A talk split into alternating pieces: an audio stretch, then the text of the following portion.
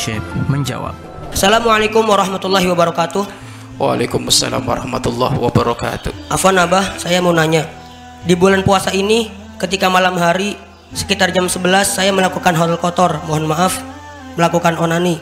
Jadi, apakah saya boleh mandi junubnya setelah sahur nanti dan siangnya ikut puasa? Mohon penjelasannya.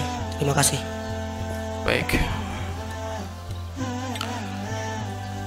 Pertanyaan ini berulang-ulang kali ditanya. Mudah-mudahan yang tanya adalah yang bertanya adalah orang yang tobat insyaf.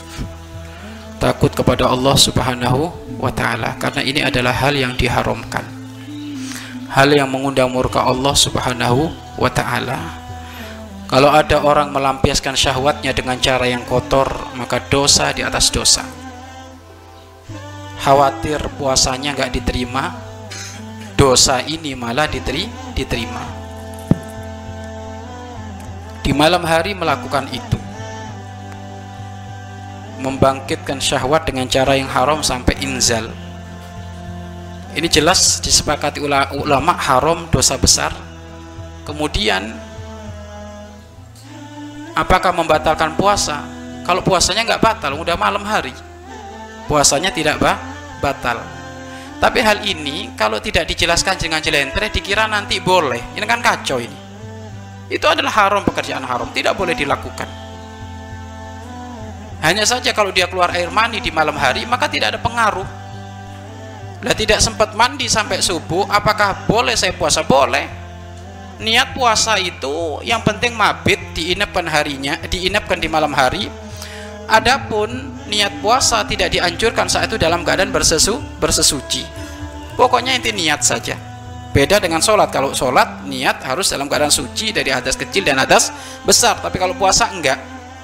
Namun kok bisa Ramadan-Ramadan melakukan kayak gitu? Ini kan menunjukkan dirimu kurang ajar sama Allah itu. Hmm?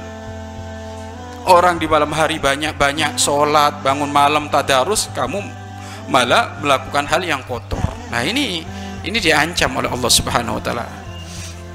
Yang tidak mengistimewakan hari yang diistimewakan oleh Allah itu kurang ajarnya orang. Kurang ajarnya oh, orang. Semuanya para ulama kekasih Allah di bulan Ramadan mereka semuanya sepakat berlomba-lomba di dalam kebaikan. Lah ini berlomba-lomba maksiat. Alasannya apa? Saya nggak mampu menahan hawa nafsu saya. Hawa nafsumu bangkit karena kamu pancing-pancing dengan matamu yang suka jelalatan seperti itu maka hal ini ya sudah jelas. Kalau seperti itu berarti kamu tidak akan mendapatkan kemuliaan Ramadan. Siapa yang melakukan pelanggaran kepada Allah di bulan Ramadan jelas dia diancam oleh Allah khawatir dia pulang dari bulan Ramadan tidak mendapatkan pengampunan Allah. Malah dapat murka Allah. Hati-hati. Tobatlah. Kembali kepada Allah subhanahu wa ta'ala yang lalu biar berlalu jangan pernah kau lakukan lagi. Agar supaya Allah mengampuni dosa-dosa kita dosa-dosa kita. Wallahu a'lam bissawab